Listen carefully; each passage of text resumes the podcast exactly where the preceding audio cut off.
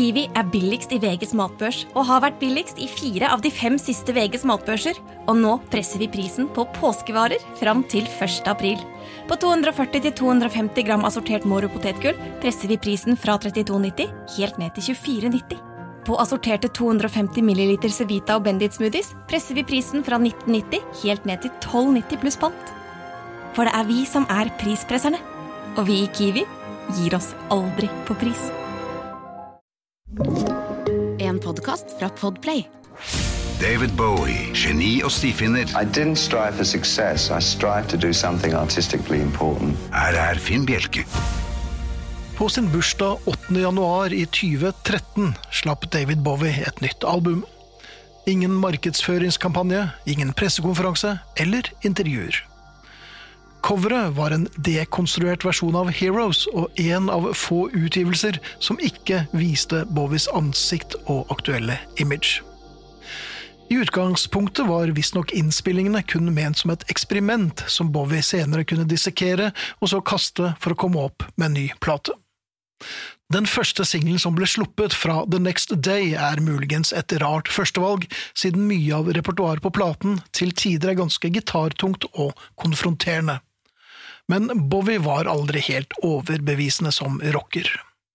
De fleste av oss foretrekker nok den introverte tenkeren og den oppstykkede tvileren fremfor en etter hvert aldrende artist som Peter Pan-aktig klamrer seg til fortiden og prøver å pusse på tidens tann med høyere gitarer og oppjaget perkusjon. Where Are We Now er David Bowie som 66-åring. I en slags limbo mellom middelalderen og siste runde.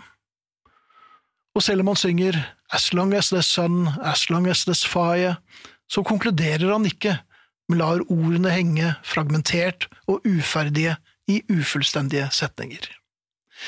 I videoen til Where Are We Now stiller Bowie utrolig nok i en T-skjorte fra musikal-kalkunfilmen Song of Norway.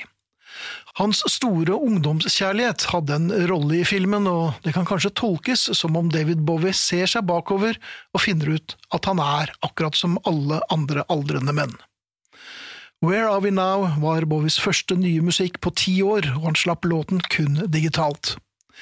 Interessant at en såpass tilbakeskuende sang ble gitt ut i et format som var fremtidsrettet. Utgivelsen nådde sjetteplass i England og ble hans siste topp ti-hit før hans død. Where Are We Now ble produsert i samarbeid med hans til tider faste våpendrager Tony Visconti, og kan også sees eller høres som en hyllest til Berlin, en by David Bowie hadde et svært sterkt forhold til. Where Are We Now er en god kandidat til akkompagnement i begravelser, og der fikk jeg en idé, gitt.